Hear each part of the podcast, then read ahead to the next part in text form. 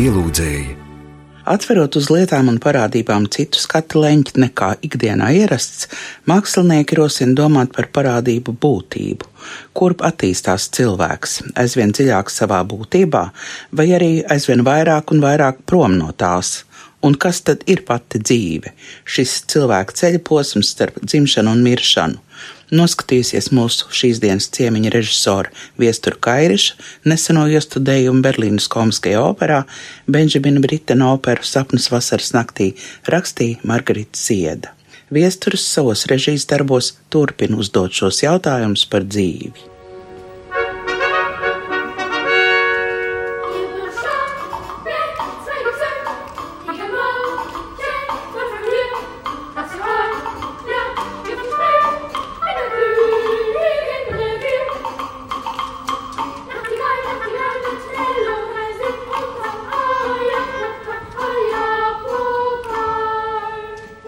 Viestures Kairis režisors, es tā pārlūkoju mazliet jūsu šo sezonu, un jautājums ir tāds, vai tā ir bijusi smaga sezona režisoram, jo es skatos, ka ir divi operas iestudējumi, ķelnē Burvis Trēlnieks, Berlīnē Sapnis vasaras naktī, pabeigta filma Pelikāns tuksnesī, top Melānijas kronikas, tas ir tas, kas virspusē. Droši vien, ka top arī opera Valentīna galvā vismaz. Kā tas ir, jo ir bijuši periodi, kad to darbu ir krietni mazāk nekā vēlētos, bet šis te man tas izklausās ļoti, ļoti daudz. Nu jā, piepilsojām, ka man septembrī beigās būs Verdija Makbets Darmštatē un decembrī Valentīna. Un tur it kā mājā arī kaut kas būs Latvijas Nacionālajā operā. Nu, tad es domāju, tas ir, protams, viennozīmīgi krietni par daudz. Jo nu, man nepatīk tik daudz strādāt. Nē, nu, man patīk lēni strādāt. Tā es gribētu teikt. Varbūt man patīk daudz strādāt, bet lēnāk. Kā tas dzīvē ir? Ir vai nu darba par daudz vai par maz? Man tā. Es par to nespringstu, jo es eh, domāju, ka man ir jānodzīvo kaut kā līdz 15. gada beigām, un eh, jāpalaiž virkni lielu projektu, un jānobeidz gal galā Melānijas kronika. Un tad es varbūt kādu gadu varētu arī strādāt, bet citā veidā, nevis ar aktīvo režiju, bet ar režiju, kur es atkal izveidot visus projektus. Tas ir sapnis, jo principā es zinu, ka labāk nesapņot un labāk vispār daudz to neanalizēt, kā ir, tā ir. Nu, galvenais, nu, ka tas darbs ir šobrīd jau tiešām es darbinu tikai tādus lielus projektus, un tas man patīk, un, un līdz ar to, ko es tur daudz sūdzēšos par dzīvi tur skaidrs, bet kā ir? Es skatos, ka dzīve ir takos divos blokos. Viena ir saistīta ar Vāciju, un otra ir ar Latgali. Jo arī Melānijas kronikas ir piesaistītas Latgalei, un šī manā uzturē absolūti skaistā filozofiskā pārdoma pilnā filma Pelikāns tuksnesī, un par to ir jādomā. Jā, nu, Kā tā Latgale, kad jūs sapratāt, ka jūs esat latgalietis viesturs skairišķi, jo mēs tā kā zinājām, ka jūs esat kārtīgs rīdznieks. Nē, nu es esmu rīdznieks, bet es ceru, ka es neesmu šizofrēniski sašķelta personība, bet eh, geogrāfiski un eh, mentāli sašķelta es esmu bijis vienmēr, jo es esmu dzimis Rīgā. Rīdznieks, bet visi man ģimene celsies no Latgales vai no pirmajā paudzē, kā mana māte, kas tur ir dzimusi, un kuras pirmā valoda ir latgaliešu, vai mans tēvs, kura tēvs atkal 18 gadu vecumā aizmuka no Latgales. Māte arī ir dzimusi Pēterburgā, latgaliešu un poļu ģimenei, kad uh, vienkārši cilvēki brauc tur strādāt. Nu, lūk, uh, un es esmu tik daudz pavadījis laika Latgalē, un es joprojām dzīvoju daļu no savas dzīves tur, un tur ir vieta, kur to darīt, un es tur ļoti nopietni, tāpat šovakar braukšu uz turieni, iespējams, ka naktī, bet, nu, jebkurā gadījumā. Tas kaut kas nav pārāk labs, īpaši tas pēdējais gads, varētu teikt, jau divi gadi, kad es daudz braucu prom nu, var teikt, visu laiku kaut kur brauc, un visu laiku brauc, un atkal es jau zinu, ka es tagad Jāņu līdz diviem naktīm svinējuši Jāņus ar savu ģimeni Latgalē. Sēdīšos mašīnā un sešos jau man būs lidmašīna. Un jau 24. visu dienu jau es ņemšos pa Vāciju. Un tad es atgriezīšos, man būs atkal jāfilmē uzreiz. Tad es atkal braukšu uz Vāciju, tad es atgriezīšos, uz Somiju uzreiz jābrauc filmēt. Un tad man atkal vēl jābrauc uz Vāciju, tad es atgriezīšos, būs arī jābrauc ar pelikānu tūkstnesī uz Vīni tā. Nu, tad tās vienkārši, nu, varētu bezgalīgi to stāstīt. Tajā ir savs skaistums, es domāju, ka es nekad eh, nedrīkstu par to sūdzēties, bet es. Es nesaku, ka es negribētu dzīvot savādāk, un es domāju, ka tā kā viss notiek tik viļņveidīgi, ka man noteikti būs kaut kāda arī pauze Jo nu, man kaut kas jāsavāc, es gribu arī vēl nākošos lielos filmu projektus izstrādāt. Nu, tur tiešām vajadzīgi. Kā jūs teicāt, ka man bija tāds klusums brīdis, bet man tāds nav bijis. Ja es aktīvi nerežisēju kaut ko, tas nenozīmē, ka es neko nedaru. Es izstrādāju, es izstrādāju savus lielos projektus, kuriem man šobrīd nebūtu laika. Nu, es Melānijas kroniku nebūtu varējis izstrādāt pie tāda režīma. Režisora Viestura Kairiša topošās filmas Melānijas kronikas ideja nākus no Melānijas Vanagas romāna Veļups krastā un no rakstnieces Sibīrijas izsūtījuma sāpju ceļiem. Ar filmas operatoru Gintu Bērziņu režisors strādājis vairāk kārt. Pirmoreiz absolvējot Latvijas kultūras akadēmiju, nu pats pirmizrādi piedzīvoja dokumentālu esēju par Latgali pelikānu stuksnesī un gandrīz gatavs ir kopdarbs filmēt Černobiļā Zudusī pilsētā. Es domāju, ka viesturam ir tā brīnišķīgā iespēja dabas dota vai paša izdomāt vēlmi strādāt ar lieliem darbiem, lielos gabalos, nosauksim tā. Kas, protams, nekādā gadījumā neizslēdz to, ka viņš precīzi jūt detaļas un iedzinās arī lietās, kas varbūt ir mazākas, sīkākas. Man ir prieks to darīt kopā. Lietas, kas man patīk vizuāli, patīk arī viesturam, un attiecīgi tā tad tur momentāli rodās sasaist un ir kopdarbs. Un vēl pilnīgi brīnišķīga lieta ir, ka viesturs, vismaz no manas viedokļa, ka ieklausās kādās domās, ka varbūt to darām tā un ne savādāk. Noteikti noklausīsies, iedzināsies. Ja galīgi tas būs garam, protams, pateiks, viss cauri šitā nedaram, tas ļoti patīk, ļoti palīdz strādāt. Jo visa saimniecība, kas ir saistība ar filmēšanu, ceļa rullis, kas var visu iznīcināt. Viesturs Skairišs sacīja, ka viņš sevi jūtot dokumentālajā materiālā dzīvē Un Gintam Bērziņam, spriežot pēc iepriekšējām filmām, gan ar viesturu, gan ar citiem režisoriem, vai nu tā liktenis piespēlē, vai vienkārši Nē, tā, tā ir. arī ir. Tā ir. Tas ir pilnīgi, es domāju, neapstrīdam, ka reālā dzīve un dokumentāls lietas un tas, kas tagad notiek kaut kur, jebkurai sienas uz ielas, vienmēr tas būs spēcīgāk par jebkuru inscenētu, jebkuru izdomātu pie rakstām galda lietu. Diemžēl par laimi, bet tas ir mans uzskats saistībā ar kino. Un eh, tīri vizuāli, protams, jebkura veida dokumentālā materiālā, ja viņu vēl var padarīt par tēlu, ja to var pasniegt citiem cilvēkiem, kad viņi skatās un saprot, o, oh, bet es tur esmu bijis, es turpat blakus stāvēju, bet rekā tagad tas ir pavisam kaut kas cits, te uz ekrāna. Man bet, bija tā ar plūdiem Latgalē, filmā Pelikāns tūkstnesī. Nu, liels spēks režisorā tad, ja viņš spēja jau safilmēt materiālu, izlasa ārā to, ko viņam vajag. Un, ja tas vēl sakrīt ar to, kā ir domājis operators, ko viņš arī uzskata par pozitīvām, labām lietām, kas strādās filmai, tad jau tā ir pusi no uzvaras. Tas jau ir diezgan spēcīgi. Tad tur ir ko skatīties, jo visiem pārējiem prieks strādāt. Un tāpēc arī tādā mākslas filmā, kur patreiz mēs Melānijas kroniku taisām, tas ir smagi, tas ir šausmīgi smagi, jo ir visi tādi ierobežojumi, kas nemitīgi traucē, bet gribas maksimāli pietuvināt reālai videi un, un, un reāliem notikumiem, un kā tie cilvēki dzīvojuši, un varējuši, un nevarējuši, un kas tik nav noticies. Jūs esat vienojušies, operators Gins Bērziņš ar režisoru Viesturu Kairiešu uz to īsto dzīvi. Esam vienojušies. Jā, nu, protams, tas, arī vēl arī Ieva Jurjāna būs, jo tas arī, protams, atsaucās uz mākslinieku tādā veidā, ka ir smagi un stipri jāstrādā. Tas nav tik vienkārši.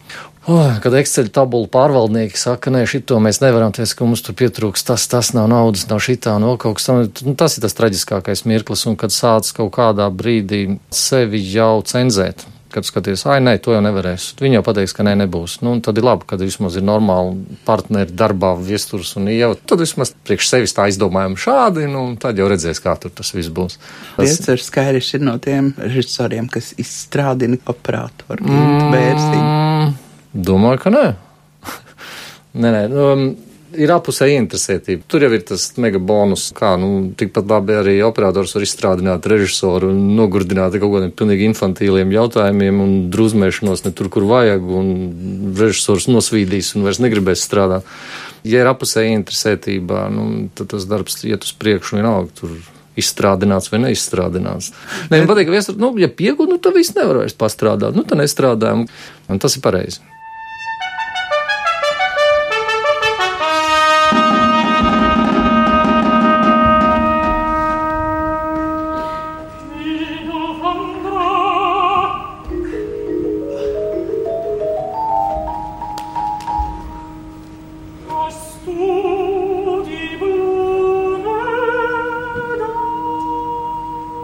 Man tagad ir aktuāls pelikāns tuksnesī. Es skatījos un atcerējos tos plūdus, kas eh, izskatījās uz aci fantastiski ap Daugopili es redzēju. Kā tas ir, vai pelikāns tuksnesī, vai tas sākās ar ūdeni, šiem plūdiem, kurus arī jūs redzējāt, būdams Latgalē. Tomēr arī es esmu lasījis citas versijas. Šis dabas skaistums, tā stihija, tā varenība, grēku plūdu sauc kā grib, domā kā grib. Tie ir šajā filmā un tas atspērienu punkts, kur es eju līdzi režisoram. Kā bija ar tiem plūdiem? Nu, plūdi, nē, nu, es sapratu, ka es gribu tā kā stājas par zemi un par tām stihijām. Tur ir viss stihijas, jā, guns, jā, tad es tās stihijas mazliet tā kā sapratu, ka man tās ir nepieciešamas, un par tiem plūdiem es jau, protams, gribēju vēl kaut ko lielāko. Tur grūti to nofilmēt, atrast, kur tas ir, bet, nu, tad es atradu vienu ļoti labu risinājumu ar tām aplūdušajām mežiem un tam līdzīgi. Un, kā es strādāju, faktiski nav jau noslēpums, ka es eh, tādu dokumentālo filmu, dokumentālais kino, es uzskatu, ka jātaisa citiem cilvēkiem. Es taisu dokumentālo kino, bet angliski tas ietilpst kategorijā kreatīva dokumentācija. Tas nozīmē, nu, kaut kāda radošā vai nu, dokumentālās mākslas filmas, varētu teikt. Nu, es zināmā mērā to filmu izdomāju un tad uzfilmēju. Protams, man ļoti patīk izdomāt, uzfilmēt, bet tā kā tev nav aktieru, nav nekā, tad to ir tik ļoti grūti atrast, kur tas realizēsies. Un, un... Kur jūs satikāt šos cilvēkus, kas ir filmā Pelikāns? Nu, meklēju. Nu, pirmkārt, es dzīvoju tādā vietā, kur apkārt ir pietiekoši daudz gan katoļu dienām, gan vecicībnieku sāģi. Man viena no mīļākām nodarbēm ir braukāt ar mašīnu pa tiem vecicībnieku ciemiem un skatīties un daudz ko iztēloties. Man tas šausmīgi patīk, jo tā ir ļoti poētiska vide, kādu es varbūt to filmā nemaz nerādīju. Nu, un tad es meklēju, es sapratu, ka reliģija būs filmas tēma, bet tās izpausmes, es domāju, nu taču katru gadu mēs rādām visus dievkalpojumus televīzijā, tur aglonu 15. augustā, nu, ko te es tur negribējās neko līdzīgu rādīt. Es domāju, tas jau visiem zināms, un tam līdzīgi es meklēju tiešām tādas.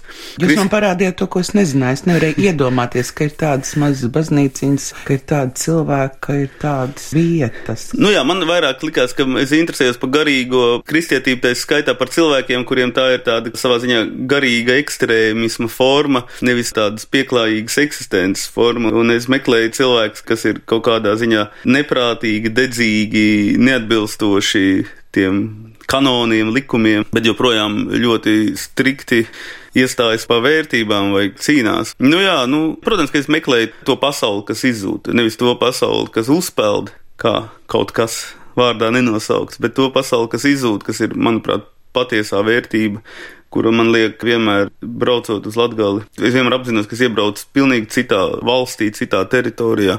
Man šausmīgi patīk tā kultūra. Es sāpīgi pārdzīvoju tās izzušanu. Es, protams, vienlaicīgi to kaut kādā veidā mākslinieciski arī baudu. Un es domāju, ka tās ir manas īstās garīgās mājas. Un es domāju, ka, protams, es Rīgā pēdējā laikā dzīvoju ļoti apmierināts ar savu dzīvi. Es dzīvoju pārdaugavā un tur cita kultūra, tā āgenskalna mazliet. Bet, nu, es domāju, ka es noteikti dzīvošu Latgalē pārsvarā. Nu, es tā ceru. Baltajā sniegā tās mazās taciņas, dažkārt krustceles, dažkārt krusta formā, kā jūs iestaigājāt. Liekas, ka milzīgs sniega klājums un tikai tāda šaura, šaura taciņa. Grib, negrib rodas tādas domas galvā, kā ir ar tām šaurajām taciņām, pa kurām uzmanīgi pa sniega, pa sērstu jābrīd. Nu, reizē man cilvēki jāmotivē brīvs par šīm šaurajām taciņām, jo tur, nu, protams, ka es kaut ko tur sarunāju. Nu, piemēram, nu, tiem cilvēkiem jau ļoti īpatnē man bija ārkārtīgi daudz visādi epizožu, Tā skaitā šie vecicībnieki, kurus es sarunāju, kur man zvanīs to sliedu, tur tas džeks varot to izdarīt, un es gribēju, tā baznīca man sen fascinēja.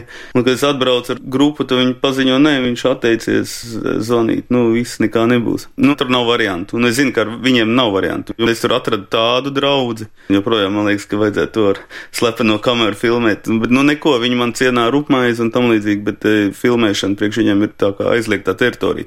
Un tad es vienkārši eju uz to māju, satieku to cilvēku cilvēku, stundu ar viņu runāju. Un tad viņš iet, zvana un vēl pat izdomā izņemt zobus.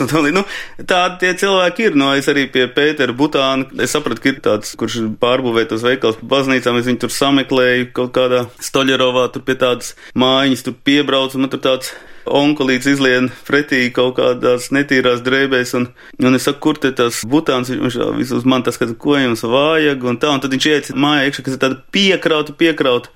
Un es ilgi tur runāju ar viņu, viņš, bet viņš tā man tā kā visu laiku testē.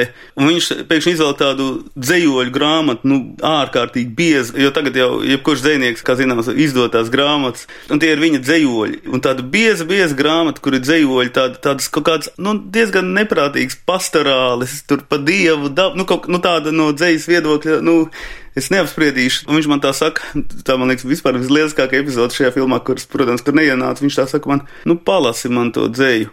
Un es tā atveru, un tur bezgalīga poēma, un es, protams, kā Arnolda Liniņa skolnieks, es tā cenšos pret to tekstu, un es viņam lasu, un es tiešām tā cenšos godīgi to tekstu, ko principā man liekas lasīt nav iespējams. Es cenšos ar loģiku kaut kā tur lasu tā godīgi, un viņš tā uz mani skatās tā visu laiku, un es nesaprotu, vai viņš testē dzēju vai mani, un tas bija tik dīvaina aina. Respektīvi, lai visu šo filmu uzfilmētu, man bija ilgi jādzīvo ar to materiālu, kaut kā jāmeklē tie cilvēki. Man ļoti daudz palīdzēja Krišāņa Norveļa mamma, kas dzīvo Viļānos. Man ārkārtīgi daudz palīdzēja Andris Kravals, katoļu, tam augstākajām aprindām man ārkārtīgi palīdzēja. Nu, daudz cilvēku, arī no kino, Jānis Putniņš, Dāvs Sīmans. Nu, nu, tādā ziņā, kuri man vienmēr arī var Varēja aprunāties. Apr nē, nu, tā jau man tāda, ka viņi vienmēr man to materiālu piekonsultē un tā. Es tāpat filmu taisīju ar stingru apņemšanos, ka es vairs dokumentālo kino netaisīšu, es nesapratu, kā lai to taisu. Tagad es esmu pabeidzis tieši šajās dienās montāžu neredzamajai pilsētai, kas ir pa Černobiļu, kur mēs ar Guntu Rekteru taisam.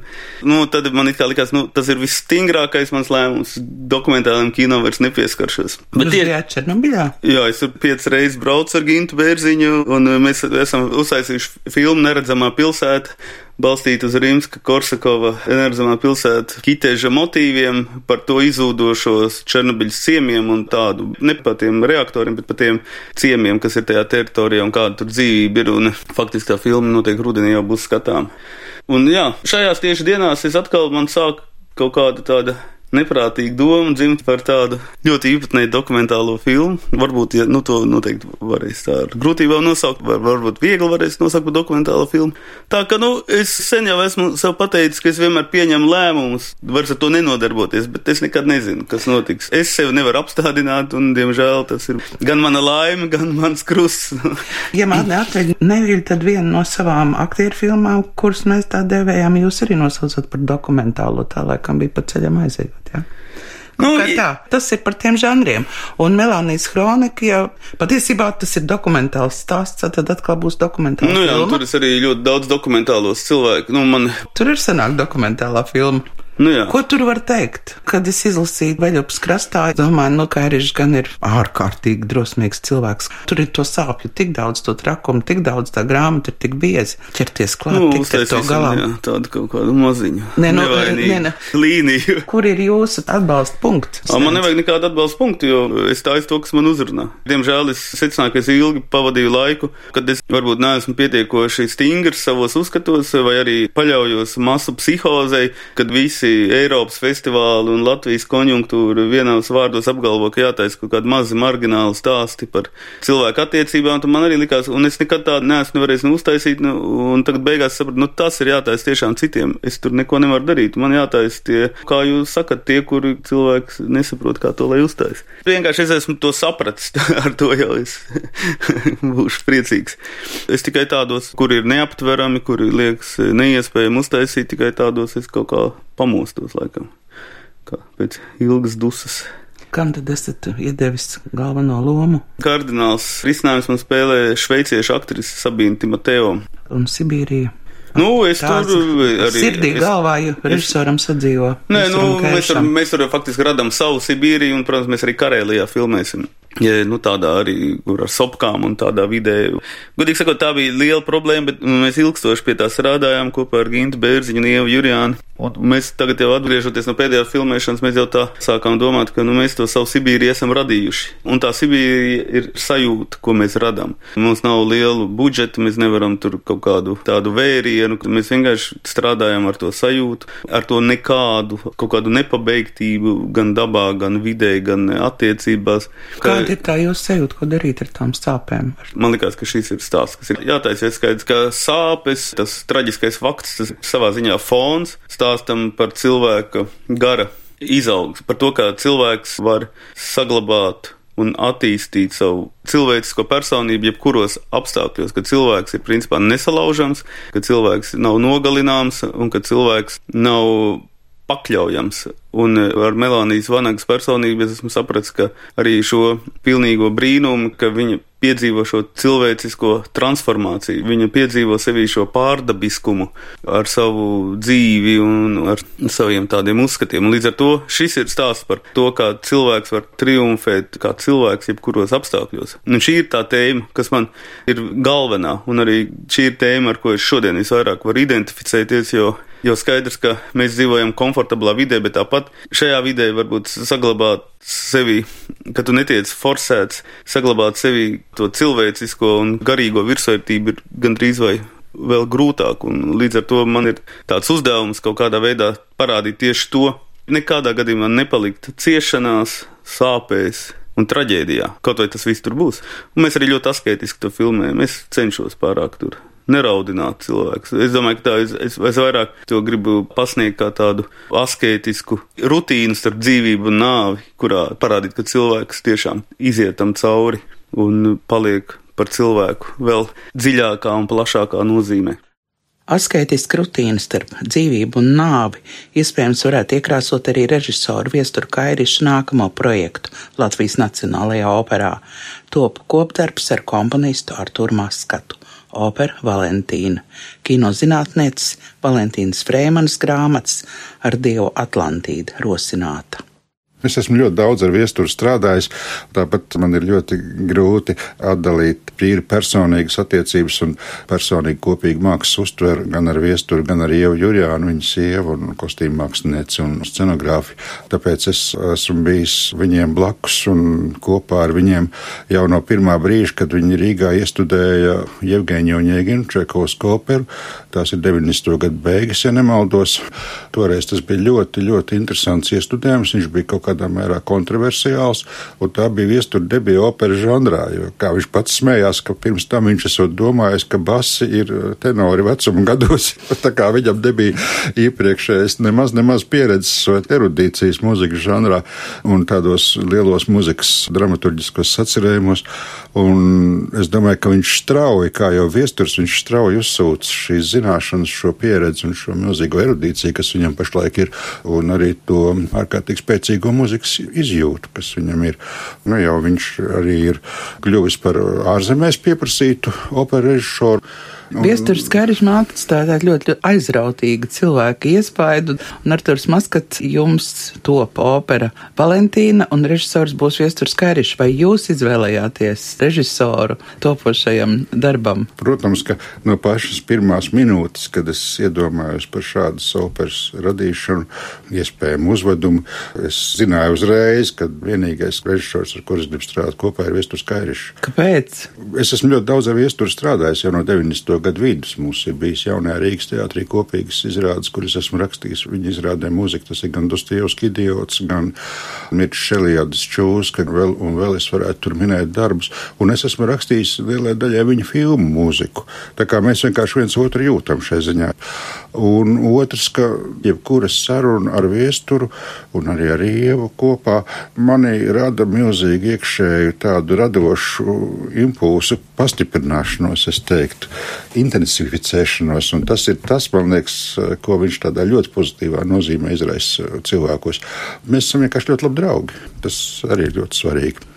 Un viesturs ir ļoti daudz palīdzējis dramaturgiskā nozīmē. Arī pie Valentīnas mēs esam daudz ko runājuši, domājuši. Mēs esam ļoti, ļoti daudz diskutējuši, kam tur jābūt un kam tur nav jābūt. Un viņš ir gājis cauri tik daudz muzikai jau un tādiem visaugstākās raudzes materiāliem strādājis, ka es jau esmu tikai iesācis. Muzika, Tā sāk likties. jā, bet viesturs taču ir iztaisījis faktiski, nu, ja neskaita to, ka viņam netrāpījās Rēnas zelts, tad viņš ir izveidojis gan Valkīru, gan Zikfrīdu, gan divu mīkrēslu, no kā man, teiksim, likās Zikfrīds. Es nekad nevarēju iedomāties, ka tas būs tik interesanti. Es esmu skatījies vairākus Zikfrīdus pasaulē, gan Vīnas operā, gan visur, kur man gribās teikt, ka mūsējais bija radoši visintensīvākais un interesantākais buru flautas kontroversiālais lasījums kopā ar Ilmāru Blumbergu. Man ļoti patika arī viestura veidoties Pučīnī triptiks Un tad arī notika tas, ka es redzēju, cik ārkārtīgi spēcīgi spēja sastrādāties viesturs Kairišs ar Modestu Pitrenu. Tāpat kā pēc tam, cik viņš spēcīgi varēja sastrādāties ar Kornelijus Meistaru un Valkīras iestudējumu ar Andru Nelsonu. Artūra Maskata operu Valentīna. Esmu dzirdējis komponējot arī Viesturu Karišu un Ievas Jurjānas latgalē, nu, jo tu labi varot atraisīt radošās maņas. Liāna Langa ir uzrakstījusi arī libretu, vai režisors Viesturs Karišs jau ir sācis domāt par operu Valentīnu? Nu kā mēs esam nodevuši maketu un, un visas idejas, un, protams, mēs esam tos zinām mērā izstrādājuši. Nu, tagad man Arturs arī brauks pie manis, un tad mēs atkal iesim cauri tam visam. Un, Nu, ko lai saka, es domāju, ka viena no tādām manuprāt, jūs arī Berlīnē apciemojat Valentīnu Freimanu, kad mēs braucām uz sapnu vasaras naktī. Nu, Valentīna Freimana. Tad viņi man arī stāstīja, ka viesturs bija. Savā ziņā es šobrīd arī to cenšos saglabāt šo. Es neesmu no, tā Valentīnas Freimanas pulciņa, kas viņai te bija izveidojies Rīgā, jo es esmu bijis jaunāks par to visu, un es tajos leģendārijos lektorijos nepaspēju piedalīties. Es esmu pie viņas kādu pāris lekcijas esmu dzirdējis, un viņa kultūras akadēmijā man arī pasniedz, un arī esmu gal beigās ar viņu pļāpājis pēc vienas mērnieku laika izrādes un gribēju ar man aiziet, iedzert vīnu. Man otrajā pusē sēdēja maskats, kurš bija atnācis tieši ar mani sarunāt, ka mums vajag izdomāt kaut kādu ideju priekš kādu troperu konkursu. Dārtur saka, zini, šodien laikam mēs nevarēsim parunāt par šo lietu, varbūt rīt satiekamies. Un, nu, un tad mēs otrajā rītā satiekamies, un Artur saka, nu, nu visur, kas mums tur ir tagad to dauku jau taisa, kas mums ir tie Latvijā tie siži, ko mēs varētu taisīt un tā. Un, un es tā sēžu un atkal tie literārie materiāli, man liekas, nu, tas, ah, es vairs nevaru, tas ir tik garlaicīgs. Ne, nu, es neko nesaprotu, es nevaru pieslēgties. Un saku, Bet klausies, bet nu, vakar, nu, tā Valentīna taču nu, tik jauki stāstīja, kāpēc viņš par viņu netaisīja operu. Un Arturam, protams, es domāju, ka viņš tiešām ir tas, kurš ir izaudzis ar Valentīnu Freimanu. Tur ir, protams, visi sižeti. Un tad vēl tā grāmata, es jau nemaz nezināju, ka viņi kaut ko raksta. Un Arturs it kā zināja to, bet, nu, tad tas viss, protams, aizgāja jau. Artur galvā. Tā kā es varētu teikt, esmu pie šūpuļa šim pasākumam stāvējis, un es uzskatu, ka tā ir viena no manām misijām. Noteikti arī piedalīties tādā pasākumā, kas ir latviešu oriģināla operas veidošana, un tas ir tas, kas manuprāt, būtu ļoti svarīgs, un tāpēc es to cenšos neapspriežam darīt, un es ceru, ka tā mūzika būs fantastiska, kā jau Arturam vienmēr mēdz gadīties. Un es ceru, ka arī kaut ko varēšu tur jēdzīgi uztaisīt. Es nu, solīt nevaru, bet es centīšos. ja nu Pelikāns tuksnesīs klausījos arī pārpasaulīgu mūziku, tā tie mūsu režisori, Piecurs Kairišs, Alvs Hermans, tā jūs laikam no tās barojaties arī no tās opera mūzikas, kas jums ir liktenis piespēlēt, un tā teātrī tagad, kur tā mūzika ir mazāk, tur jūs esat distancējušies. Šī skaistā pasaules klases mūzika jūs laikam ir kārtīgi izpurinājusi. Nē, nu, dabīgi jau tāds posms sāks, ja tu ar tām operām sāc nodarboties, bet, nu, nāks cits posms, kur nebūs mūzikas vispār. Nezinu. Nu, es nevaru to komentēt. Es varu pateikt, kā man ideja par pelikānu tūkstoši tapt, tas, ka es sen gribēju filmēt, es sapratu, es gribu uzfilmēt pa latgalu filmu, es gribu tādu fresku kaut kādu radīt, nu, kaut ko es tur tā aptuveni murmulēju pie sevis, bet man nebija, nu, nebija nekādas sajūtas, ko es, nu, es nesapratu, kas tas varētu būt. Un tad pēkšņi es sapratu, jā, Tā taču ir māla ar dziesmu par zemi. Un šis ir kā nevainīgais notikums, kas man neko it kā nedod kā režisoram. Un tad es burtiski nākošajā nedēļā uzrakstīju jau projektu un gāju apmeklēt producentus un tam līdzīgi. Tā kā tad, kad es sapratu, kas tas ir, un es to bieži saprotu nosaucot mūziku, es varēju sākt pie šīs filmas strādāt. Jā, nu, man grūti to komentēt. Nu, tā šobrīd sanāk, ka to mūziku strādāt, es arī mūziku daudz klausos, bet gribās jau arī to klusumu. Tā ka nezinu. Brauc uz Latgali. Jā, es pa nākotni. Tiešām es gribu tikt ar visu galā līdz 15. gadu beigām. Man ir tāds mērķis, un tad, nu, vai nu es kaut kādu lielu mērķi atkal sev uzstādīšu, vai nu nezinu. Bet, nu, šobrīd es gribētu neplānot neko nākotnē, bet pabeigt šos projektus, kas man liekas ir ļoti, ļoti būtiski. Lai veicas! Paldies! Paldies.